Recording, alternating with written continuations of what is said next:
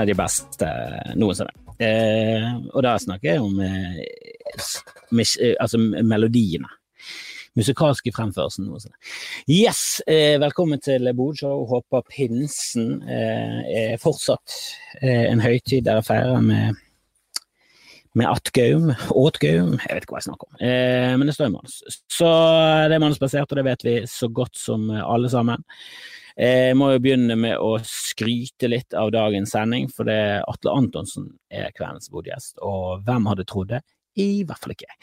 Eh, men jeg har eh, veldig mange på min venneliste på Facebook, de fleste av de vet jeg ikke. Jeg tror jeg har jeg vet ikke, 1600 venner, 1800 venner, hvem, hvem, vet? Hvem vet? Hvem har kontroll på det? Er det noen som venner med alle? Altså, Skulle du hatt ekte venner på Facebook, så hadde jeg sittet med samboeren min som ikke er på Facebook, og to som jeg går til klasse med. Det, det, det, det er mine ekte venner, men, eh, altså, og Grim. Liksom, det er det jeg hadde sittet igjen med. Men eh, man sier jo ja, og man sender ut forespørsler, og jeg har jo drevet og booket med for Stand Baggen, eh, Baggen faktisk, og Stand Bergen, det er to klubber jeg driver, eh, i en årrekke, så jeg har jo selvfølgelig masse mm, talenter på min liste. Og Atle Antonsen er jo en av mine favoritter som jeg har digget siden jeg var liten. Eh, altså Jeg hadde ikke begynt å onanere når jeg begynte å like eh, Atle Antonsen. Og det var ikke han som fikk meg til å begynne å onanere, det var ikke fordi jeg så på masse Excel-TV og, og Team Antonsen at jeg begynte å onanere, men eh, han, eh, han, var der. han var der hele tiden. Og han er jo en fantastisk morsom eh, morsom fyr. Eh, så det var jo herlig at han sa ja. Eh, eh, og vi får håpe vi får en trivelig stund med Atle. Jeg har sendt han en link, han har sagt at han skal komme på. Vi får krysse fingrene. Jeg stoler fortsatt ikke på at han kommer. jeg stoler fortsatt på han. Stoler ikke litt på det engang.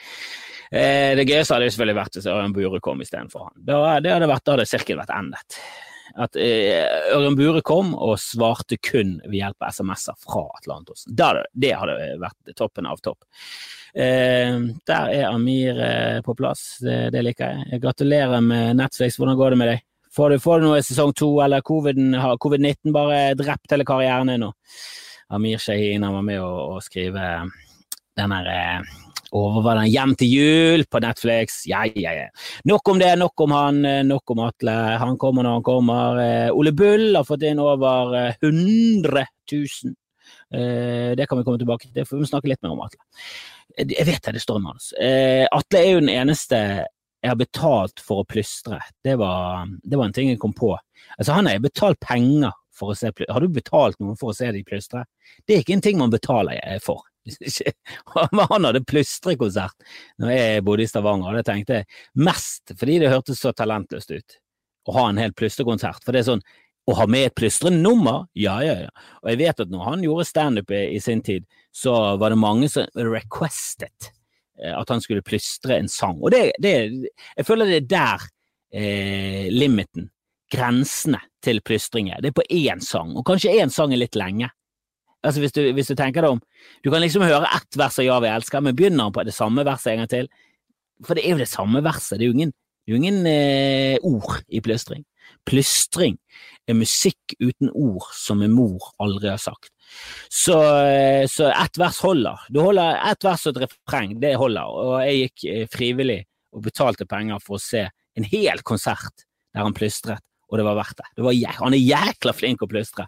Han er jækla flink og plystre. Hvis ikke du tror på meg, bare google Atle Antonsen plystring, så får du frem ja. Det er alt som står. Du får ikke frem noen videoer. eller Sånn. Det står bare ja, Google er enig, han er god å plystre. Um, men det er, det er, litt sært å, å, betale penger for å se noen plystring. Uh, jeg tror ikke det blir plystring i kveld, uh, og sesong to kommer av Hjem til jul. Så det er gode nyheter. gode nyheter. Jeg vet ikke om plystring i kveld er noe vi skal trakte etter. Han har begrenset tid, uh, og jeg vet ikke om, om, det er det jeg skal presse på, liksom. Jeg har fått inn et par spørsmål fra diverse um, seere, eh, og um, og jeg tror vi skal holde oss til det. Jeg tror vi skal holde oss til manuset. Eh, jeg, var jo innom BMI min eh, forrige gang, eh, at den på 28,3 den har eksplodert etter pinsen. Vi har spist, vi har kost oss med pinsemat. jeg vet ikke helt hva pinsemat er for dere, og jeg har nettopp spilt inn en Skamfrelst som jeg tror vi slipper nå. Den skulle bli slippet i morges, men jeg fikk ikke spilt inn på hytten, så jeg spilte inn nå før Bodshow. Og der ja, det er mye snakk om eh, truger, mangel på truger. Min far som er en truge, han burde vært i hvert fall, han burde i hvert fall tråkket på av truger. Min mor burde vært tråkket i hjel av truger. Det er mye truging. Truging og pinse og fjasing og gøy, så den vil jeg absolutt, eh, absolutt sjekket ut etter Bodshow. Eventuelt ta på pause, høre han, så komme tilbake igjen. Jeg tror han har sluppet den. Så, så hør ferdig Bodshow, eh, i hvert fall til Atle er gjest. Så vil jeg ta opp en ting med, med Power, kundeservice med Power. For det, på telefon så er det ikke hyggelig. Eh, og, og de, de, de, ja, de selger meg, da. De selger meg. Jeg bestilte to eh, oppheng til eh, TV.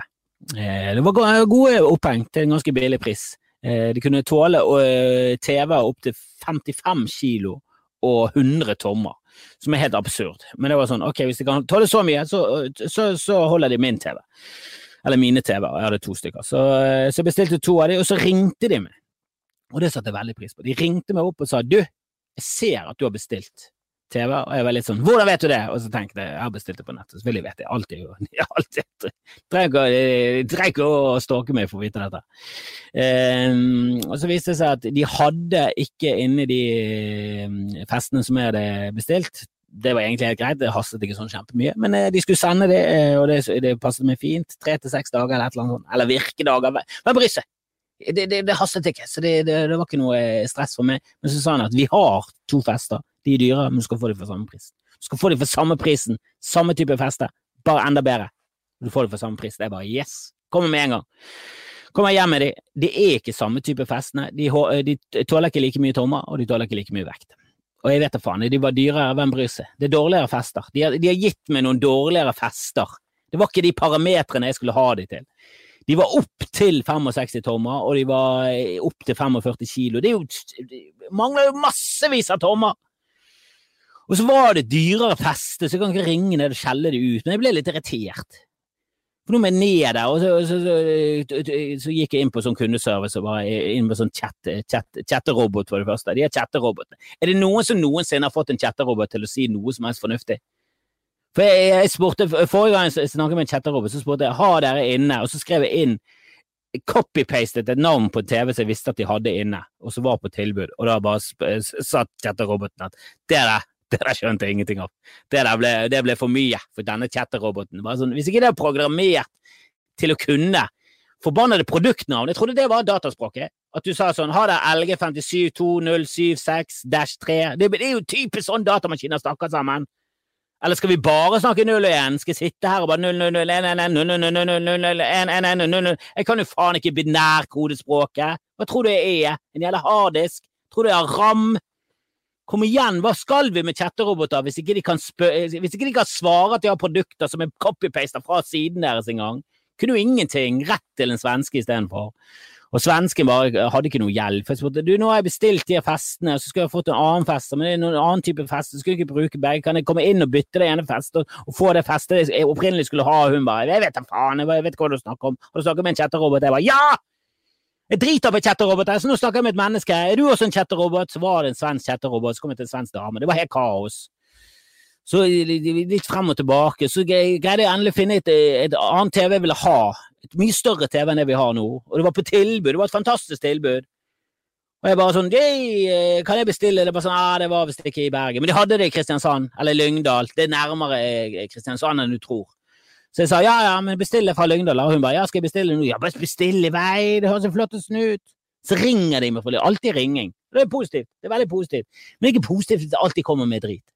Det det er, positivt at de ringer, men hvis de ringer for å si at de skal drepe deg, det er ikke bra. Det er sånn, ja, takk for at du ringte, og sender deg mail, så kan jeg forberede meg sånn fysisk og psykisk på at jeg skal dø. Men det hadde jo vært mye bedre hvis du sendte meg mail og sa du, alt er i orden, TV-en kommer. Men han ringte bare sånn, ja, hvis jeg skal sende det til deg, så blir det ganske dyrt. Hva mener du dyrt? Har ikke dere internsending? Ikke dere power, ikke dere en kjede, ikke det det som hele greia med kjeder, at dere har ting som går på tryss og tvers. Jeg skal ikke betale for at Power skal sende inn en ting i, i, inni kjeden. Inni alt som skjer inni kjeden. Det, det, det, snakker vi ikke om. Det bare skjer inni kjeden. Men da skulle de ha enorme priser, og da har man merket at å, jeg vet at til og med med påslaget av prisene koster for å få Bring til å kjøre det TV-en til meg fra Lyngdal. Så jeg orker ikke. Det var, det var sånn supertilbud, og jeg orker ikke å slenge på 5000 på Bring. Og det hadde til og med vært billig da, men det bare merket at det gidder jeg ikke. Så jeg bare sa til han her i Ringdal at pell noen reger og hold kjeft. Hold kjeften på deg, jeg sa ikke det, men jeg bare la på. Jeg gjorde ikke det heller. Jeg var veldig høflig og sa at du, beklager, men det tror jeg, da tror jeg rett og slett vi må stå over. Men lykke til og god pinse. Uh, men eh, god kundeservice helt til det var selvfølgelig helt ræva, da. Eh, selv om alt var ræva, så var det veldig bra kundeservice. Når, ja, alt egentlig var gelånt. Eh, nå kommer snart Atle på. Dere kan komme med spørsmål til Atle òg her. Eh, det er bare Oi, Martin, hvorfor ringer du med Martin Lepperød? Hva er det for en ting? Vet du hva jeg ikke skjønner? Ringing. Det er sikkert noen av dere har sett Seinfeld-showet, og han er, han er veldig gammeldags, og ja da, det var ikke noe nyskapende, men jeg er helt enig med han når det kommer til teksting og ringing. Teksting er så mye mer å foretrekke. Altså, jeg er så jævla Hvis jeg får valget mellom så har du lyst til å ringe noen, har du lyst til å tekste? Bare, tekst! Har du lyst til å være med på kino? Nei, ok, ferdig. Det hadde vært en kjedelig telefonsamtale. Det samme utkommet. Jeg ville mye heller Power hadde bare sendt meg en melding og sagt du, den TV-en blir 4000 ekstra, så er det bare helt tilbake igjen. Fuck off. Fuck off, fittetryne, hadde jeg skrevet. Jeg hadde ikke gjort det, men jeg hadde hatt lyst. Hadde hatt lyst. Hvis dere har noen spørsmål til han eh, holdt på å si eh, jeg holdt på å si jøden, eh, men det er jo bare fordi han er så jævla morsom. Eh, så er det bare å komme med de. Nå skal jeg sende meg en eh, egen melding her. Eh, god gammeldags triks. Eh, og så skal jeg få over de spørsmålene jeg har allerede. Jeg har en bråte med bra spørsmål om både hans karriere, hans fedme og barten hans. Så eh, det her blir gull fra ende til annen. Eh, jeg vet ikke om dere har noe dere lurer på. Uh, han er bare så Hvor er Atle? Han kommer! Hvis dere bare er her for Atle, så kan dere like godt bare koble av. Altså, dette er mitt show, det er Bodshow, det er ikke Atle-show. Bodshow er for meg og for mine fans, og hvis du skal komme her med noe sånn her bare Atle-spørsmål, så kan du faen meg dra til helvete. Ut av boden min og ta med deg parykken og alt det andre. Eller gjerne bli, jeg beklager, jeg trekker tilbake inn alt og uh, håper gjerne at du blir, og at du ser de andre episodene. Det er veldig gøy. Jeg setter pris på alle fans. Det er bare å stå i manus. Det er bare å i manus, hva skal du gjøre? Skal jo ikke holde det til manus. Herregud, meg og Lulu her har jo faen meg holdt på med de gjennom hele pinsen. Ja, jeg har vært på hytten, men uh, for det meste i telefon med Lulu for å jobbe frem et bra manus. Og det, det vet jo dere som er faste lyttere, at dette tar vi seriøst. Dette tar vi fucking seriøst. Uh, Copy-paste Paste det dritet, da! Helvete heller. Nei, men jeg venter også på Atle, så han kan gjerne komme. Kanskje han har kommet? Kanskje han har kommet. Der er han! For en fyr! For en herlig og sexy mann. Vi tar rett og slett på min, uh, en av mine favorittpersoner i uh, hele Norge. Halloen, du, skjeggermannen! Hei. Så hyggelig, da. Hei, hei. Det er noen som jobber. Det er jeg, Hvordan går det? Det går bra. Nå har ikke jeg eh, øreplugger osv. Får du ekko, eller går det greit, eller virker du omsorgsfull jeg er? Jeg, jeg, tror vi, jeg, tror vi, klarer oss. Jeg tror vi klarer oss så det holder. Du trenger i hvert fall ikke å ha noen øreplugger. Kan være at jeg må ha det, men eh, det skal jeg fikse. Du mener ørepropper, du? Ja, ja jeg, har, jeg har noen headset og noe greier. Det er jækla proft. Det er proffe greier. Jeg ser det. Yes. Men du Atle, hva gjør du på Hva gjør du på? Så at Ole So ga deg kritikk for parykken din Jeg trodde det var ekte hår, jeg. ja, det... Kjempebra. Ser veldig bra ut. Mye bedre enn ikke ha håret, i hvert fall. Ja, jeg tenkte jo at det holdt med én uh, tynn i luggen uh, her i boden av gangen, da. Så uh, Jesus, for et skjegg du har. Ja, nei, nå har det blitt, nå har det blitt skjegg. Koronaskjegget? Det er koronaskjegget. Men det er det, er det vakreste skjegget jeg har sett. Kanskje Ser jeg koronavrød i trynet også? Ja, du har pinse, pinsetøy? Ja, så har jo vært i hagen siden april, da. ja. ja. er alt uh, dødt nå? Jeg, jeg, jeg, vet jo at dere skulle komme til Bergen med tolv gode råd, men uh, det har vel utsatt det? Ja, nei, Bergen er vel eh, Det står vel i fare for og osv., men eh, den er jo ikke avlyst eller utsatt enda. Det er jo ikke foreløpig blitt restriksjoner mot heller. Så vi eh, hadde jo vært erte hvis vi fikk lov til å ha 500 inne uten en meters avstand i september. Det er jo nettopp det. da. Det virker jo ikke sånn kjemperealistisk akkurat nå, men eh, det er jo lov å krysse fingrene. Altså 500 kan nok være mulig, men énmeteren, nei, den ryker seint, tror jeg. altså.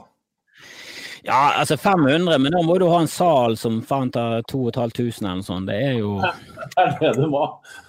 Så, nei, jeg, jeg har ikke en sånn veldig troa, men det, jeg så jo nå da at i barnehage og, nei, og, og, og barneskole så var énmeteren i spill.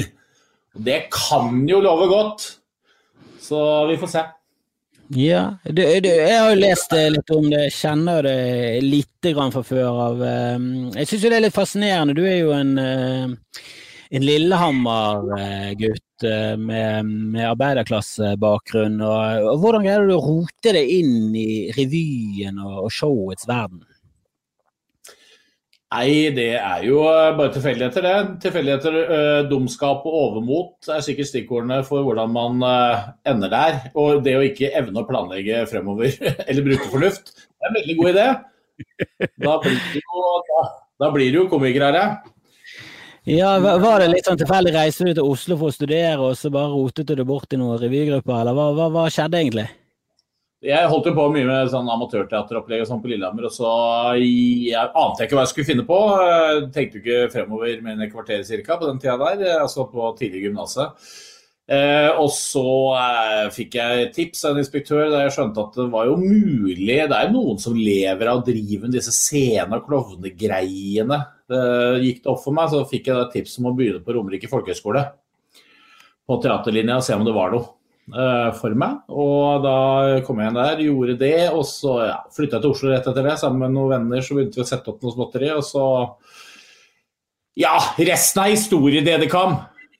Ja, det er, det er norgeshistorie. Du har jo til og med en engelsk Wikipedia, så det, vi begynner å snakke om verdenshistorie her. Eh, ja, du har jo gått på folkehøyskole. Har ikke du gått med Jonas Rønning og eh, Rå Brekke?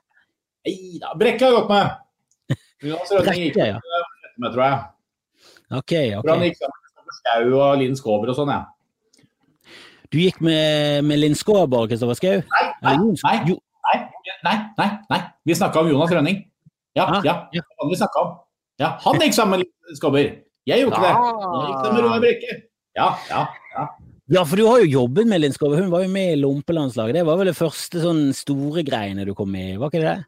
Jo, begynte, jeg begynte å pusle litt uh, sammen med Gjertsen i 91-92 med noe skolevygreier. Og så tenkte vi har lyst til å prøve noe på en litt mer lokal uh, kabaretscene. Jeg hadde gjort noe før det òg, altså på Oslo Nye og litt sånne ting. Men jeg begynte jo egentlig i 89. og da, synes, da, da er skjegget greit. Men eh, ja, begynte i 89. Men eh, da, i 1992 begynte med Gjertsen. Og så hadde vi lyst til å sette opp en liten kabaret, som vi kalte det. Vi Ville jo ikke kalle det revy, selvfølgelig, fordi revy var jo noe gamlingen holdt på med. Så vi kabaret det hitte? Ja, nei, men det fantes ikke noe annet navn. Og kabaret var ikke så utslitt som revy. Det var det som var fascinerende. Men kabaret er jo Skal vi til Frankrike i 1910? Er det det vi skal? Satire på nazisme, er det det vi holder på med? Men vi, vi burde sikkert kalt det show. Ja. Men, uh, men, da uh, fikk vi med Linn på en liten uh, intimsak i Oslo i ja, 93 eller sånt nå. Og Da møtte vi Lompelandslaget som spilte på samme scene med et annet show, dvs. Si, Angeltveit og Hansen med 'Sammen er vi Huntonitt', som vi digga veldig. Og så likte vi hverandre, og så slo vi oss sammen og hadde et par show sammen, da. Men jeg, jeg har også hørt rykter om at du var en av de første i Norge som satte opp et eget standup-show en, uh... Ja, jeg, uh, jeg, var vel nummer én. Uh, jeg var et halvt år før Jon Skau. Det var også under rumpelandslagtida. Da skrev jeg Det var altså standup-show. Det var jo en del standup der, i og for seg. Men noe av det var vel som da Arve Oppsal mente han også drev med standup. Så det er jo Det var vel ganske skrevne ting. Men det var jo meg som sto rett opp og ned og snakka. Så det var rimelig nært standup. Men det var jo rundt den tida hvor vi begynte med standup i Oslo, altså 94. Um, men, ja, men jeg hadde noen musikal musikalske ting også. Fem, fem musikalske numre med pianist og sånn, så det var litt blanding, sånn som det pleier å være for meg. Ja, Har du med litt plystring òg? Kanskje ikke da. Det, det, det blir liksom oppdaga seinere, i Excel-tida på radio sammen med Espen Thoresen og Skau og Golden. At det var, det var, jeg visste ikke at jeg var god til å plystre engang. Det, var, det var Espen Thoresen som mente at jeg var god til det. Da begynte jeg å plystre eh, rockehistorien på radio. Og da kom dette showet, for Jeg hørte nemlig på deg før jeg skulle inn her nå. For jeg måtte høre om du skrøt nok av meg før jeg skulle på til at det var verdt å møte opp. Det gjorde du, akkurat. Så, ja, ja, det... Men det er jævlig gøy å sette i Stavanger. Det ante jeg ikke, det, det, må jeg si. For det var jo Whistling Moods uh, som showet het. Golden var konferansier, og jeg sa ikke ett eneste ord i løpet av 1 time og 20 minutter, som plystreshowet varte. Som jo, du har rett i, er lenge når det kommer til plystring. Ja, på papiret er det helt eh, absurd og uh, motbydelig å det hele tatt ta penger for det, men det funket. Jeg husker vi gikk uh, fra det showet og tenkte det der var jo faktisk, det var jo faktisk veldig gøy. Det var ikke sånn at vi ønsket mer, det var ikke sånn at vi tenkte å, vi skulle gjerne hatt en låt til. Det var akkurat nok. Men, men, det var ikke sånn at vi følte at dette her var tverret ut, og eh, at det var sånn veldig mye melking av, et, av en, av en liten sånn nachspiel-idé. Det var faktisk, funket faktisk veldig bra. Og du er veldig flink å plystre. Det skal du ha. Ja, altså, jeg er ganske god til å plystre, det er, det er jeg i og for seg enig i det. Men, men jeg også mener jo at plystring har Det kan brukes som krydder i en annen låt. Litt. ja. 20-25 sekunder og muntre trall imellom et par refrenger og et vers, liksom. Men, men, det er klart som bærebjelke syns jo jeg så det kan bli fattig. Men da er, det jo, da er det jo vits i å gjøre det så lenge at man Jeg blir jo veldig spent på reaksjonen til folk, da. Eh, jeg tenkte liksom at nå skal jeg plystre helt til folk går. Eh, men så, så gikk det ikke. Og da ble det jo en lang For det var jo a cappella-plystring også, første 40 minuttene. Så kom det inn uh, en pianist som, uh, som, spilte tre låter. Uh, 'Child in Time' bl.a. og 'Deep Purple', som jeg plystra.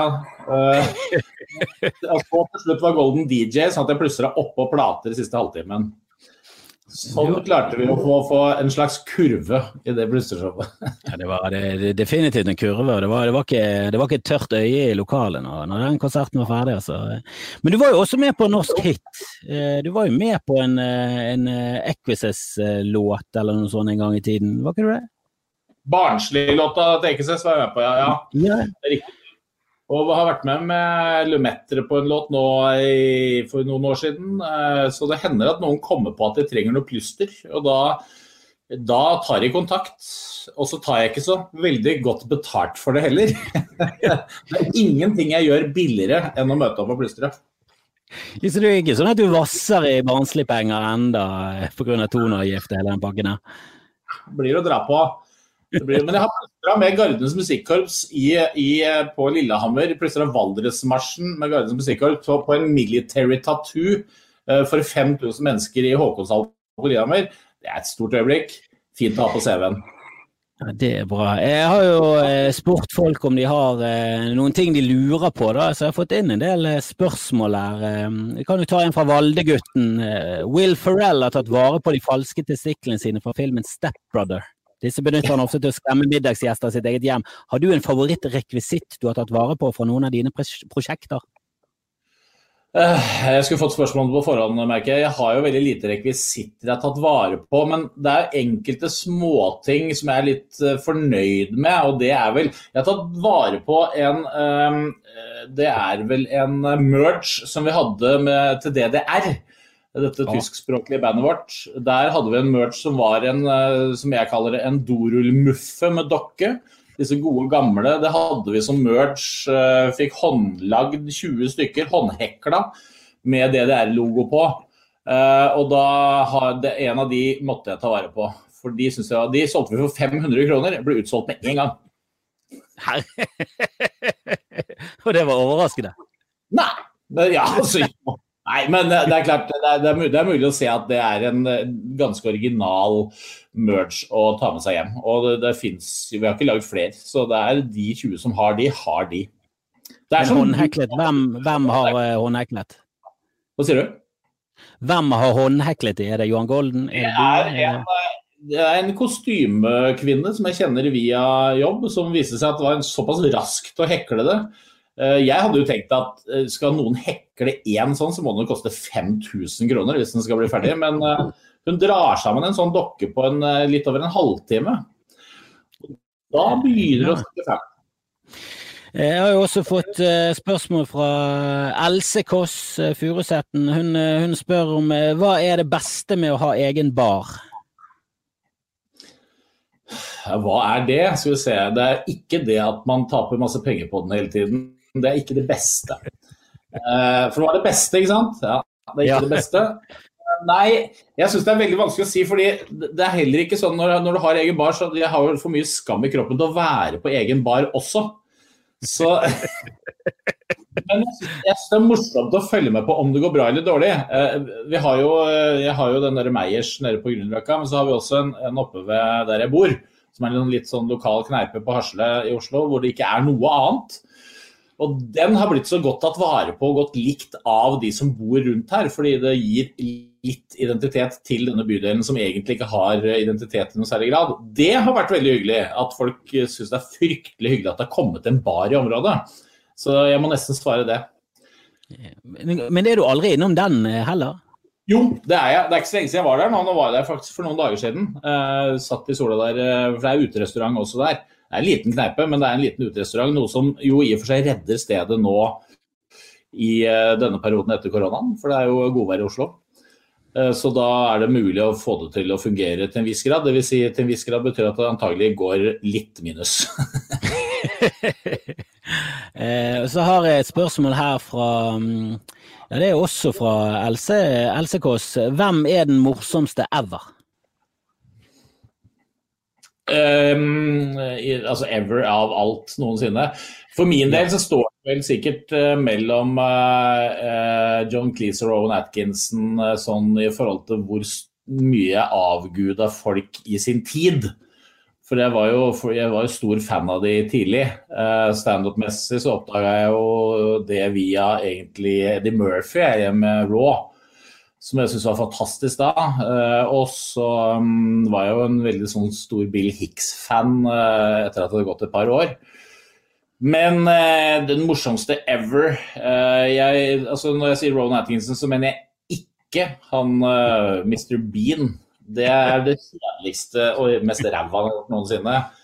Jeg mener liveshowene hans eller Blackadder og der hvor han er ekvilibrist når det kommer til språk, for han er jo helt fantastisk verbalt. At han skal gjøre en stum karakter, er helt meningsløst. Ja, Men han er Mr. Bean eh, merket det at eh, det var gøy i fem minutter, som var vel den første sketsjen, og så Det er barneunderholdning. Den filmen! Er Nei, den filmen Du skulle liksom trodd at en, en konsert med plystring skulle være ja, dø ut fortere enn en film med Mr. Bean, men det gjorde det ikke. Mr. Bean-filmen døde faen meg etter rulle Altså den intro eh, det var, Og det var eh, han Mel Smith som hadde regien. Da hadde de faen meg Mel Smith fra Mel Brooks, og så har de Rowan Atkinson, og så er det så dårlig! Men hadde han regi på den også? For han hadde regi på den derre Tall Guy også, han med Ron Atkinson, som var en helt grei medioker film i og for seg, men den hadde han regi på. Men han hadde på den òg, ja. Ja, nei, ja, ja. Det, Smith Jones syns jeg var litt artig i sin tid, det skal sies. Ja, ja, jeg likte Smith Jones og Hale Pace, for den saks skyld. Ja da. Men det er nok John Cleese jeg kanskje har dyrka hardest, uh, fordi dette, da var jeg litt sånn 15-16. Og Det er jo da du finner dine helter, på en måte. Men var, var, ikke du litt eh, Var ikke det allerede litt sånn eh, Monty Python eh, Storhetstiden liksom over når du var 15-16?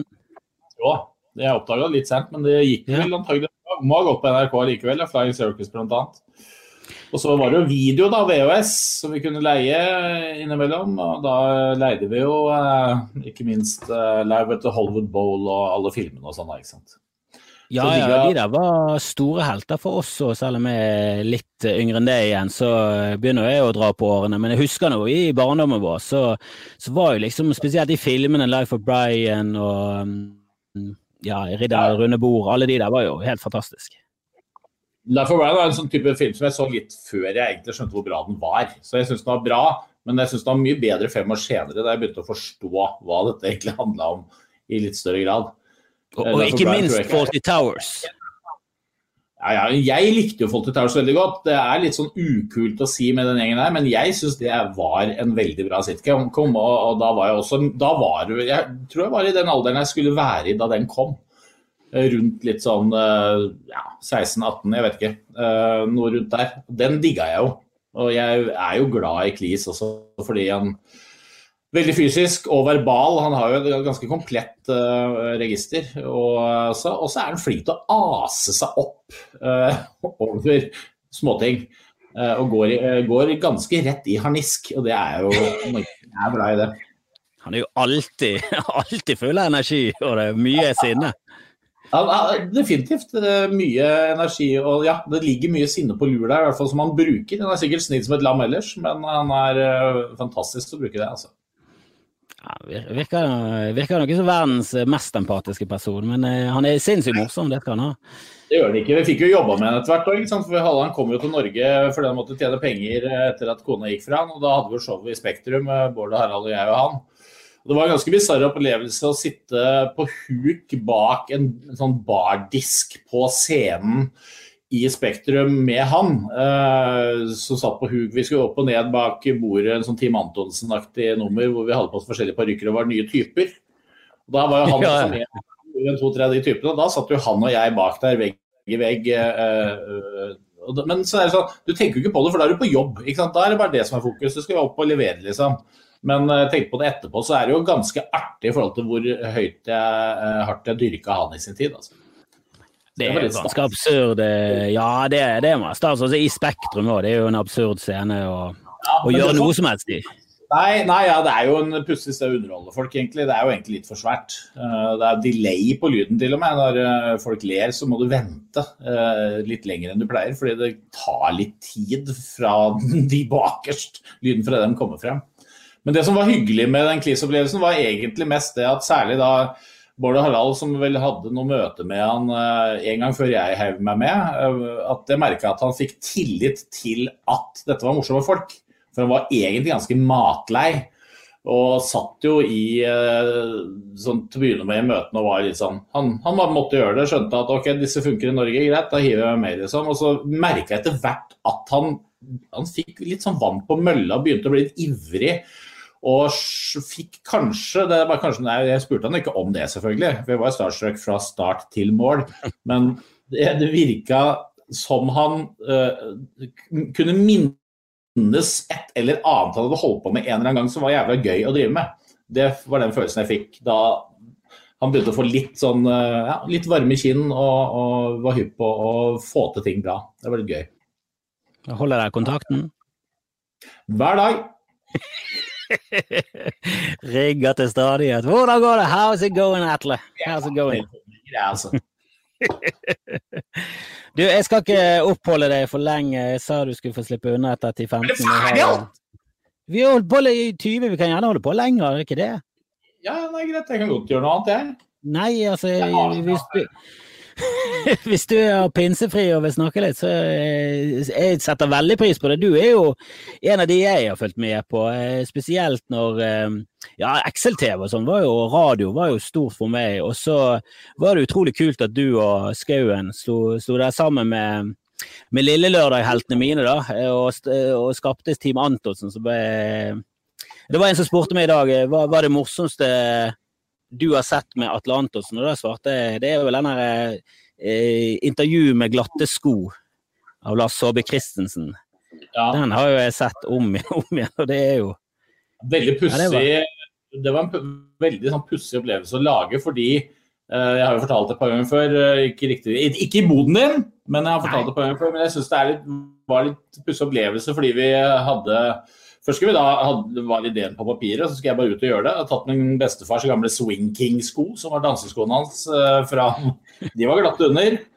Eh, og så gikk jeg bare ut, og jeg hadde skrevet av et intervju på forhånd, selvfølgelig. Men da fant vi en location, uh, men det var så mye tilfeldigheter underveis. Det var, å ja, heldigvis var det glatt nok der, osv. Så, videre, så det gikk an å ramle en del. Og så var det en avskjed, ante ikke hvor det skulle slutte nummeret. Og så viste det seg at det var et sted hvor barnehagebarna hadde sklidd seg. Det var fullstendig blankpolert is nedover en bakke. Det var da jeg kunne bare forsvinne ut av kameraet på slutten. Det som var gøy med det, var at ideen i seg selv var jo sånn Ja, det høres gøy ut, gå ut og prøv det. Og så prøvde jeg det, så klippa vi det sammen, så så vi på det, og så ja, det var jo ålreit. Det er jo ingen av oss som sto og lo. Både Bård og jeg bare så på det også. Ja, det var jo det vi skulle gjøre, det liksom. Ante ikke om det kom til å bli ordentlig gøy eller ikke før vi spilte det av uh, i studio foran publikum. Da skjønte vi at oi, er det så gøy? Ja, det var Det, det var jo kjempegøy, den avslutningen. Er jo helt, altså, ideen i seg selv er jo, er jo tullete og gøy. og Den er, er en liten sketsj, og det, den funker nesten uansett. Men eh, når du får den avslutningen som en sånn eh, hale på alt, det er jo, det er jo perfeksjon. Den, den, ja, ja, absolutt, det fungerte, men, men poenget er bare at vi, vi, hadde liksom Det fungerer ikke så bra hvis du teori, teorien har gjort det allerede, og så skal du ut og skli litt og dette litt, og så skal du inn igjen. Det fungerer bedre hvis du får det som en overraskelse og får den rett i fanget. Uh, naturligvis. Men, men, vi hadde ikke noen selv noe tilfredsstillende opplevelse da vi så den uh, ferdig. Da tenkte vi bare ja, det, jo, det, ble jo som vi tenkte kanskje, ish, eller og jeg var usikker, og de var usikre, og så sendte vi den, og så det, ble det jo en av de store hitene, liksom. Og det var eh, Det er liksom beviset på at du vet aldri helt. Uh, samtidig som det også er et bevis på at de enkle tingene fungerer ofte best. Ja, Er det noen ganger at uh, ting Altså at noen ler veldig mye av ting som du syns selv er litt sånn uh, og så tar du det med, og så slår det jækla an, og så er det nesten litt sånn irriterende at du ikke ler mer av det du syns selv er veldig bra? Jeg burde svare nei nå, for jeg har ikke noe godt eksempel, men jeg må nok svare ja, for jeg kjenner i kroppen at det stemmer at jeg har nok gjort ting som jøss, syns dere det er gøy? Ja, jo, forresten, jeg har jo et eksempel på noe jeg ikke forstår et kvidder av, og det er dette med at jeg ikke har hals, som vi hosta opp på et eller annet tidspunkt for altså 15 år siden, da, Team Antonsen. Vi hadde laget to bitte små sketsjer med det. Det ene var eh, at jeg ikke hadde hals. Altså det andre var en bitte liten oppfølgersketsj hvor jeg gikk inn i en butikk og spurte om de hadde hals. Altså en klesbutikk. Det var det. Og etter det, det har forfulgt meg til nå. Det slenger og går enda etter alle disse årene. Og jeg, det skjønner jeg ikke. Er, er, det noe gøy, det med den halsen? Jeg forstår ikke. Som alle skjønner. Nei, du har Flott mot meg at folk rotter seg sammen for å sende meg en eller annen melding om det med hals og noe kødd der. altså. Nei, du har for mye hals til at det bør være et premiss for en sketsj at du ikke har hals. Altså, det, det, jeg mener i hvert fall at det er for lite lite hals til at det kan være 100% igjen. Men jeg tror påstanden min om at jeg ikke har det, har gjort at nå folk tror at jeg har hodet, at det gror rett ut fra brystkassa. ja, når folk ser for, for seg deg i hodet ditt, så har du ingen Ja, det, er, det er her, liksom. Det er, det, folk kan tro folk at jeg ser ut. Er, jeg, må bare, jeg må fortsette å bare lage radio, antagelig. Jeg har også fått inn et spørsmål fra Ørjan74 fra Geilo om, om det er noen SMS-er du har angret på? Nei. Å, det var det jeg håpet. Det var det jeg håpet. Eh, jeg lurer litt på hvordan det er å, å, jobbe sammen med Bård og Harald. Jeg syns de virker veldig sånn metodisk og veldig sånn veldig profesjonelle, da. Eh, var, var, det litt sånn en overgang fra den Excel-gjengen og sånn, eller var, det, var de også av samme typen? På Ingen måte. Veldig stor overgang. De er jo håndverkere. Jeg lærte jo veldig veldig mye håndverk gjennom de gutta der. Ekstremt metodiske, og de er jo slaviske i forhold til arbeidstid. Det dukka opp i NRK der. Jeg var jo vant til nesten ikke ta av meg jakka, som Bård har pleid å si i ettertid, eh, da jeg kom inn et sted. Uh, satt der Å ja, skal vi sitte helt til fire? Ja vel, OK. Uh, for vi, hadde ideer og gikk ut og gjorde det. ikke sant? Mer sånn radiostuntete. Eh, men eh, de jobba fra ni til fire eh, hver dag og hadde en helt klar metode på det. Først drodleperiode, ikke sant. Som var helt fantastisk. Vi satt jo i tre-fire måneder og bare kasta ball. Og da, det er jo den morsomste perioden når du skal skape noe. Du sitter bare og slenger ideer, og det, er, det, det kakles og les en masse. Så kommer den litt kjedeligere jobben, å skrive ut disse greiene. og da hadde Harald eh, Harald er jo motoren da vi tre jobba sammen, eh, uten tvil.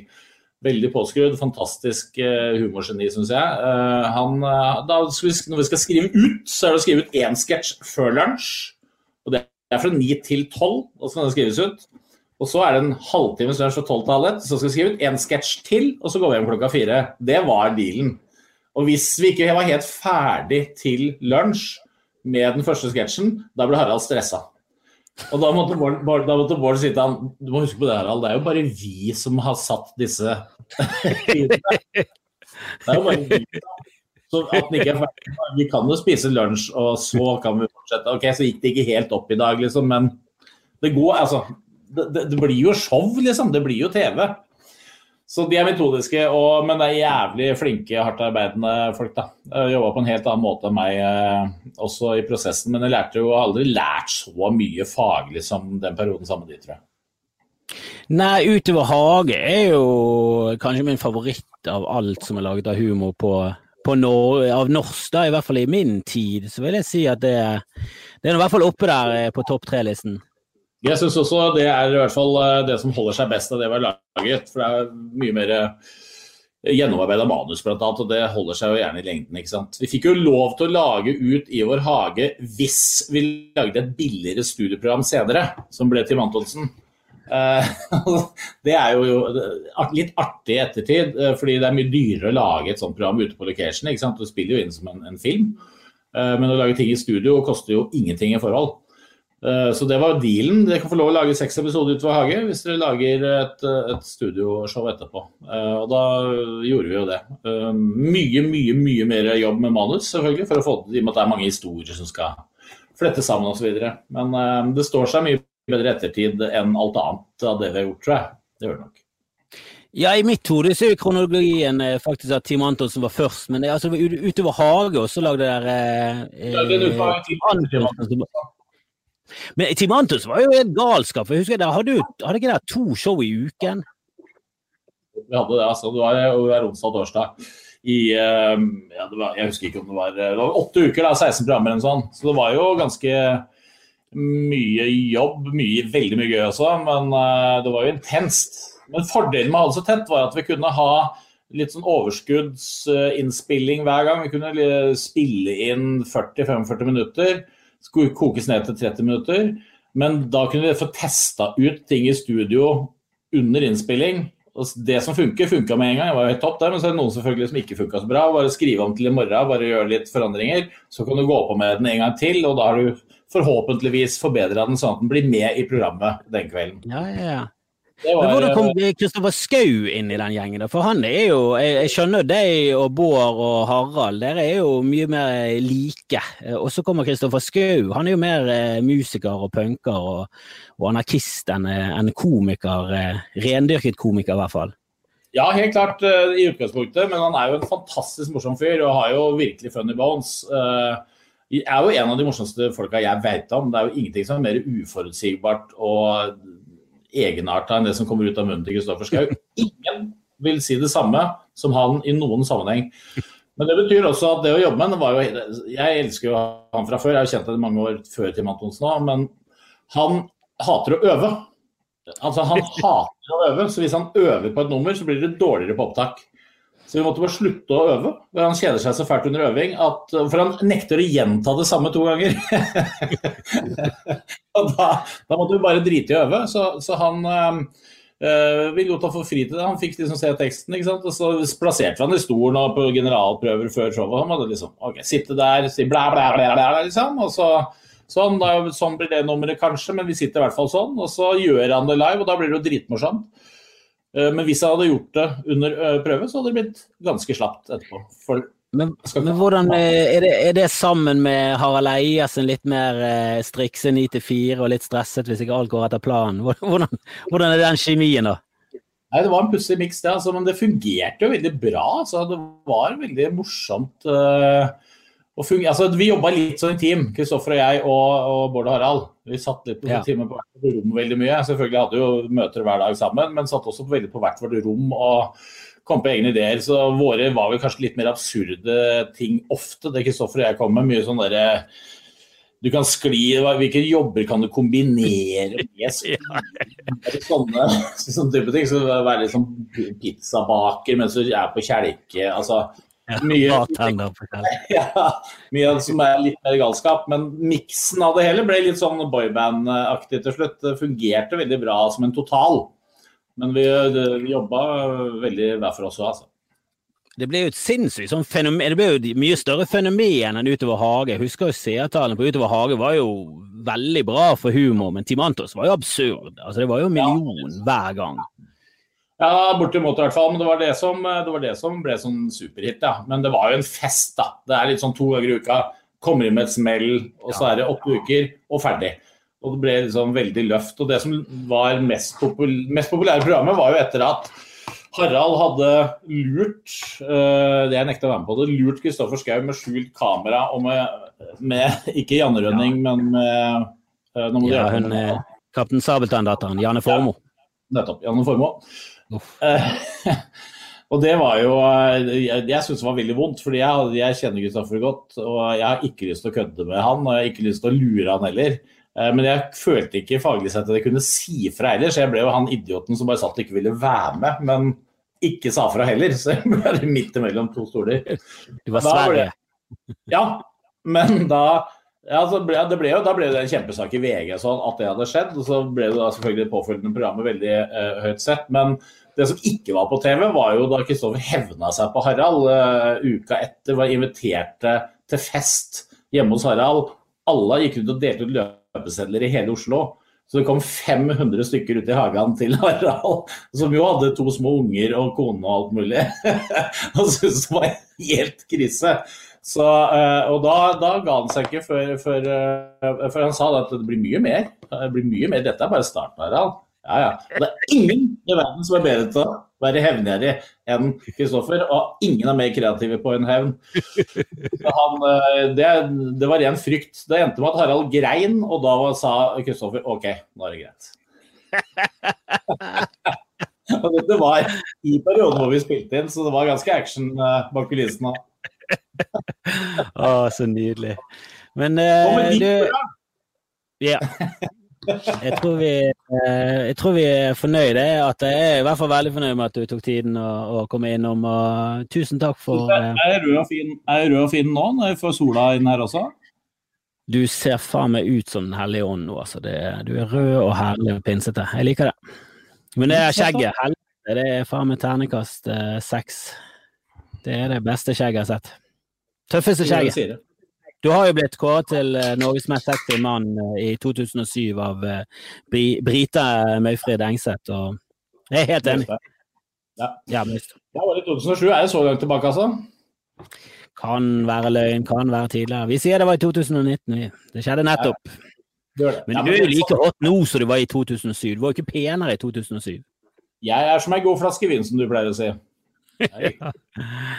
Og så drikker du den, og så sender du SMS-er, og så blir det blir det haraball. Eh, Tusen takk, Atle, og kos deg videre. Så snakkes vi. Veldig hyggelig å være her. Yes, ha det bra. Takk for at du, takk for at du stakk innom. Yep. Jo, herlig. Ha det.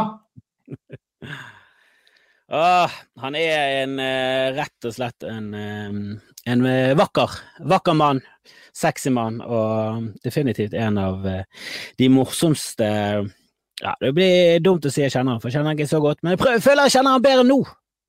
Og det var faen meg nydelig. Han sa 10-15 eh, minutter, jeg sa ja, og han sa nydelig, og så ble det det ble lenger. Det ble mye lenger. Eh, og jeg beklager ingenting, eh, selv om mye av det ikke står i manus. Men det er for meg og Lulu tar på, på kammerset, så tar vi og forbereder eh, showet til neste gang. Eh, neste gang kommer jo brrr, Kevin Vågenes eh, til boden.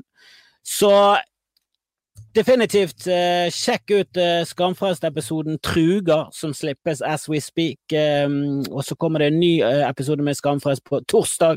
Kommer nytt bodshow på torsdag.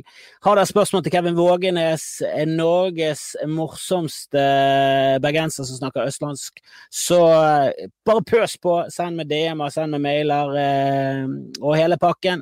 Så snakkes vi. Jeg setter veldig pris på at dere ser på, setter pris på at dere liker og hjerter og alt det der dritet der. Spre det videre, så snakkes vi. Adios! Og så skal vi spille. Jeg glemmer alltid at vi skal spille. Men vi skal gi oss med en hit fra 80-tallet. Dette var ha sin opprinnelige eh, storhit. Slo kun an i Sveits og deler av Tyskland, men eh, jeg husker han godt, og det er sikkert mange av dere som husker han òg. Ha det bra, og god pinses!